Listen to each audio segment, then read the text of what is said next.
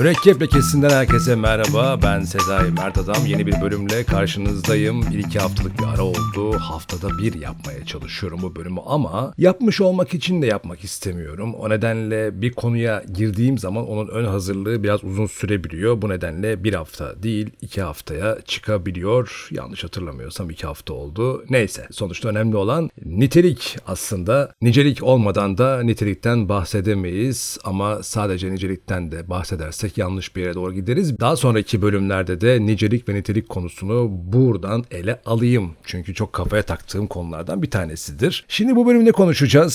Siz de diyorsunuz ki yani gerçi bölüm başlığından görüyorsunuz hani neden bahsedeceğimizi. Coğrafya kader midir sorusunu e, sormak istedim bu bölümde. Coğrafya kaderdir sözünü mutlaka duymuşsunuzdur. E, bu sözün İbn Haldun'a ait olduğu söylenir ama kendisinin bu sözü ettiği söylenen Mukaddime isimli eserinin çevirilerinde net olarak bu söz yok. Yani böyle bir cümle geçmiyor diye öğrendim. Ama ben de teyit edemedim. Keza kitabı da okumadım. Ancak İbn Haldun'un e, mukaddimede insanların yaşam biçimlerini yaşadıkları coğrafyanın özellikleri belirler yönünden anlatımlarına dair bir çıkarım olduğu söylenebilir. Diğer yandan tek başına coğrafya kaderdir cümlesini duyduğunuzda üzerinde düşünmeye değer bulabilirsiniz. Yani ne alaka ya diye geçiştireceğiniz bir söz olarak görünmüyor. Hiç duymadığınızda coğrafya kaderdir diye yanınıza gelip birisi söylese üzerine düşünürsünüz diye tahmin ediyorum. Esasen insanın doğduğu toplumun ne olduğunun insanın hayatına şekil vermesindeki payı zaman ilerledikçe azalıyor ama hiçbir zaman tamamen bitmiyor. Azalarak biter mi? Bitmeye yakın seviyeye düşer belki ama bence tamamen tükenmez. O halde şimdi önce bu sözün yankılarına bakalım, sonra bu sözün neden bu kadar popüler olduğuna ve son olarak da coğrafya eğer kaderse o zaman bu kader değiştirilebilir mi sorusu üzerinden yeni sorular soralım. Coğrafya kader midir başlıklı mürekkep lekesinin yeni bölümüne geçelim o halde.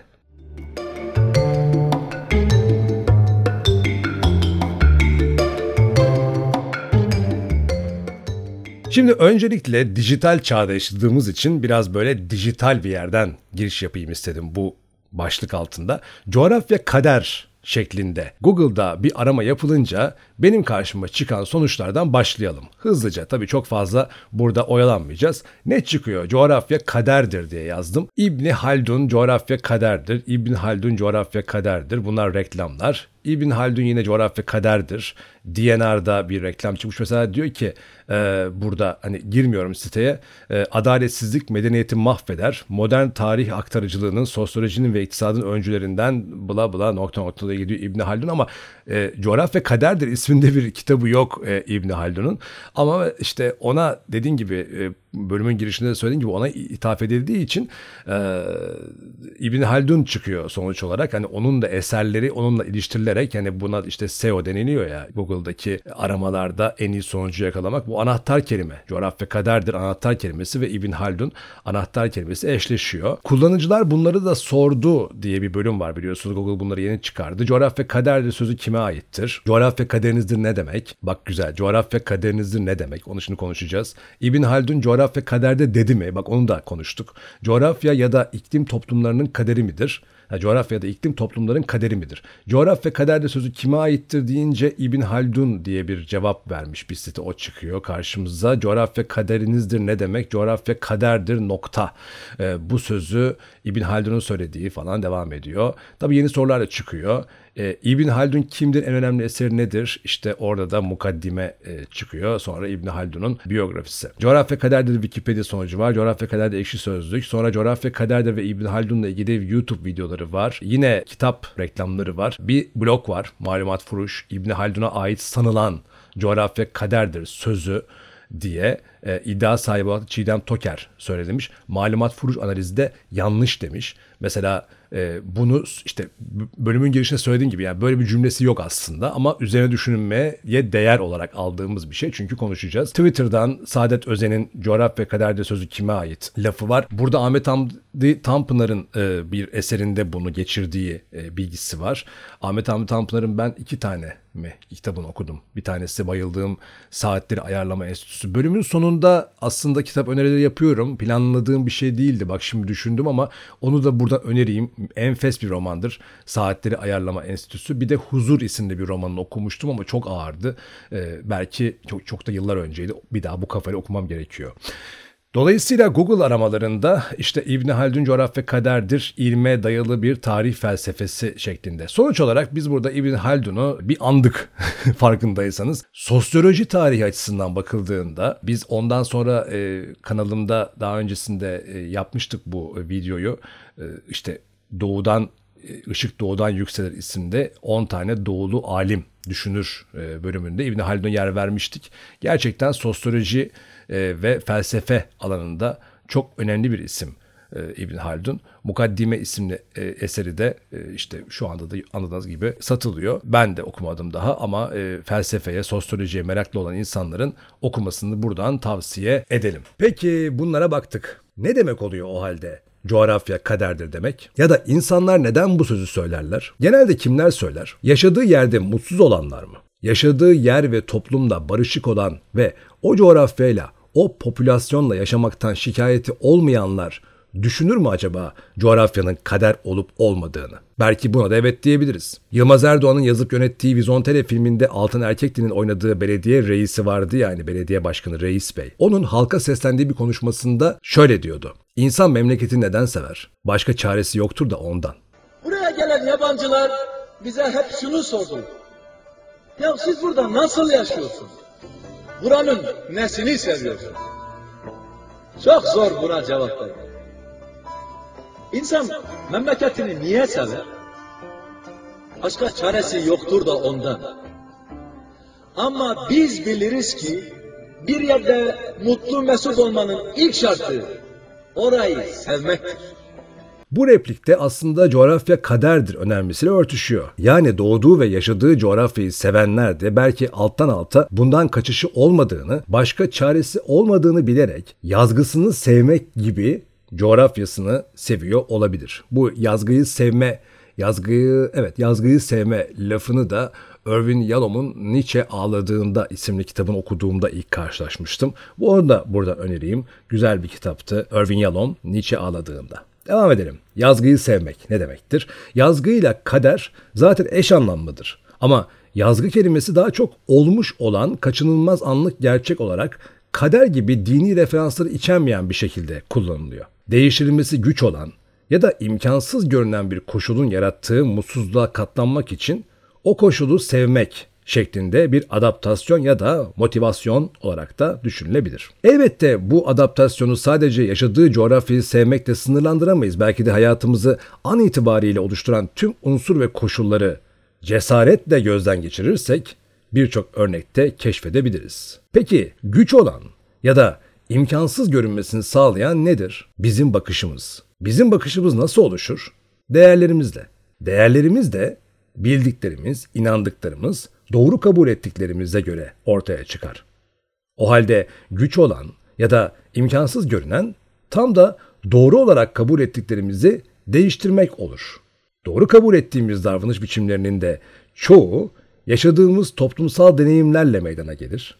Toplumsal deneyimlerde yaşadığımız coğrafyadaki toplumla yaşandığına göre coğrafyayla kurulan kader ilişkisine yeniden ama bu kez daha derin bir yerden dönmüş oluyoruz. Bu durumda coğrafyada doğumumuzdan itibaren başta ailemiz olmak üzere bizi çepeçevre saran insanların bize öğrettikleri, dayattıkları ve gösterdiklerinden ibaret anlamına geliyor. Vizontele'deki Reis Bey'in başka çaremiz yok diyerek anlattığı işte bu aşılması mümkün olmayan duvar aslında bizzat insanın kendisidir. Sosyoloji biliminin kurucularından biri olarak kabul edilen Emil Durkheim, insanın çevresinden ibaret olduğunu savunan fikirleriyle tanınır. İbn Haldun'a ithaf edilen coğrafya kader sözüne benzer bir yaklaşım değil mi? Coğrafya kader sözü bir tür sorgulama da içeriyor. Çünkü kader sözcüğü Tanrı inançlarının olduğu dinlerde yer alır ve değiştirilemez olarak kabul edilir. Bu da benim kaderimmiş diyen birisinin yaşadığı bir sonucu kabul etme motivasyondur aslında kader. Senin iradenin dışında senden önce sana özel hazırlanmış bir senaryo. Ortaokuldaki din kültürü ve ahlak bilgisi kitabında ise kader tanımı şöyle karşıma çıkmıştı. Yaşayacaklarınızın kaderinizde yazması takvim yapraklarında tarihlerin yazması gibidir. Oraya yazılmış olması yaşanmaların nedeni değildir. Onlar zaten yaşanacaktı sadece yazıldı. Bu yaklaşıma göre yaşadıklarımızın neler ve nasıl olacağını biz kendi özgür irademizle belirliyoruz. Ama Tanrı onları öyle yapacağımızı biliyor. Yani o yazdığı için yaşamıyoruz. Bizim yaşayacaklarımızı o biliyor sadece bir kahin gibi. Esasen inanç sahiplerine yönelik en can alıcı eleştirilerden biri olan madem bizi yaratan ne yaşayacağımızı belirledi o halde neden bu yaşamdan dolayı sorguya çekecek argümanına karşı bir argüman olarak tartışılabilir. O tartışmayı yapacak olanlar yapsın ama ben bu ikinci argümanı yine coğrafya kader sözüyle iliştirmek istiyorum. İlk kader düşüncesindeki değiştirilmez olan anlamı bu argümanda sana bağlı ama Tanrı biliyor şekline dönüşüyor. O zaman coğrafya kader ilk anlamda doğduğun ve veya yaşadığın coğrafyanın sana etkilerini aşamazsın şeklinde okunabilirken ikinci anlamda coğrafyanın sendeki etkilerinin ne olacağını sen belirlersin ya da değiştirebilirsin anlamına gelebilir. Ne oldu şimdi? Değişken sayısı ikiye çıktı. Coğrafya ne? Kader ne?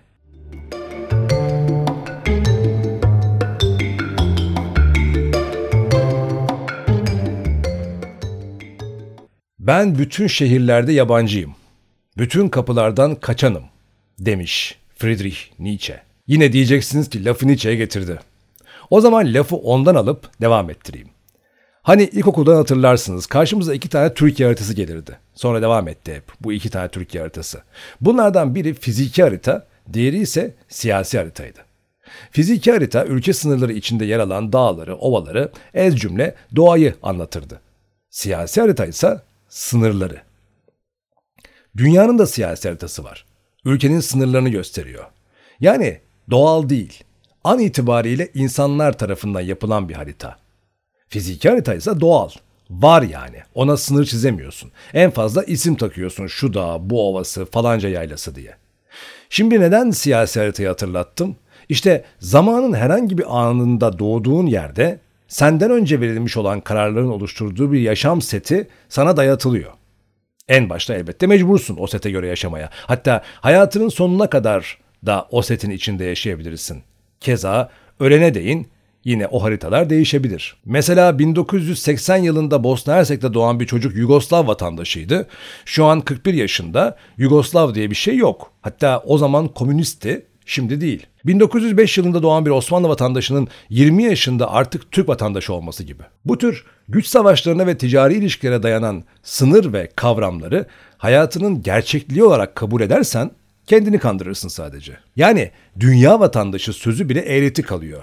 Sadece bir insan, bir varlıksın bu gezegende. Artık devletler değişmez, sınırlar bozulmaz, yıkılmaz diyebilir birileri. Evet muhtemelen Roma İmparatoru döneminde mesela bugünkü İspanya sınırları içinde yaşayan birileri de böyle diyordu. Nietzsche'ye geri dönecek olursak, tam da yerlilik adı altında inşa edilmiş olan toplumsal yapıların her birine karşı yabancı olabilir insan. Ancak bu da en başta ailesinden mahallesine ve yakın çevresine bakışından başlar. Yarım yerlilik, yarım yabancılık olmaz. Çünkü Adorno'nun dediği gibi yanlış hayat doğru yaşanmaz. O zaman da Tezer Özlü'nün şu cümlesinde bulabilir insan kendisini bir gün. Bugünlerde sokağa çıktığımda kendimi yaşamın, çağın, kentin, insanların, her şeyin çok dışında buluyordum. Şair Konstantinos Kavafis de değişimin fiziksel koşullarda değil, akılda olması gerektiğini anlatırcasına şu dizeleri yazmış. Bir başka ülkeye, bir başka denize giderim dedin. Bundan daha iyi bir başka şehir bulunur elbet. Her çabam kaderin olumsuz bir yargısıyla karşı karşıya. Bir ceset gibi gömülü kalbim. Aklım daha ne kadar kalacak bu çorak ülkede? Yüzümü nereye çevirsem, nereye baksam kara yıkıntılarını görüyorum ömrümün. Boşuna bunca yıl tükettiğim bu ülkede. Yeni bir ülke bulamazsın. Başka bir deniz bulamazsın. Bu şehir arkandan gelecektir. Sen gene aynı sokaklarda dolaşacaksın, aynı mahallede kocayacaksın, aynı evlerde kır düşecek saçlarına. Dönüp dolaşıp bu şehre geleceksin sonunda. Başka bir şey umma. Ömrünü nasıl tükettiysen burada, bu köşecikte öyle tükettin demektir. Bütün yeryüzünü de. John Krakauer'ın kitabından Champagne'in yazıp yönettiği 2007 yapımı Into the Wild yani Türkçesi Vahşi Doğaya filminde aslında kent yaşamında yükselerek kazanılabilecek ne varsa kazanabileceği bir geleceği olan Christopher McCandless hepsine sırtını dönerek saf ve kimliksiz bir insan olarak kendisini doğaya bırakır. Elbette süreçte başka insanlarla da karşılaşır ama onlara karşı tavırları, verdiği kararlar artık kent hayatı aslında genel olarak medeniyet insanının alışkanlıklarının uzağındadır. Artık onun hayatını tabiat belirleyecektir. Böylece Christopher bırakın doğduğu coğrafyayı tüm dünya medeniyetini bile kader olmaktan çıkarır. Bütün bu düşünce cambazlığının sonunda coğrafya kader midir sorusuna evet veya hayır yanıtını vermenin güç ya da aslında gereksiz olduğunu, diğer yandan bu soru üzerine düşünüldüğünde ise hayatı algılama ve pozisyon alma üzerine çok değerli sonuçlar elde edilebileceğini gördüm. Bölümü tamamlarken Tezer Özlü'nün Yaşamın Ucuna Yolculuk, Durkheim'ın Sosyolojik Metodun Kuralları kitaplarıyla Konstantinos Kavafis'in şiir kitaplarını film olarak da Into the Wild ve Vizontele'yi önereyim. İbn Haldun'un Mukaddimesini ve Ahmet Hamdi Tanpınar'ın Saatleri Ayarlama Enstitüsü'nü de önermiştim zaten programın içerisinde. Ne çok öneride bulundum. Tabii ki bunların kitapları belki bir hafta için okunmaz ama bu Into the Wild, Vizontele gibi film önerilerinden belki başka şeyler siz de çıkartabilirsiniz. Benzer yerlerden bu konuyla ilgili ee, yine film, kitap, e, başka şeyler, belki bir albüm neyse e, sanatsal anlamda e, bir takım öneriler de siz de yorumlara bırakabilirsiniz efendim. Coğrafya kader midir üzerine konuşmuştum. Yine sivri ve belki de zehir zemberek olabilecek kapılar açtığımı düşünüyorum. Sizlerin de görüşlerini beklerim. Ben Sezai Mert Adam Mürekkep Lekesi'nin bir sonraki bölümünde görüşmek üzere. Hoşçakalın. Hani sevecektin bir ömür boyu Nasıl yaptın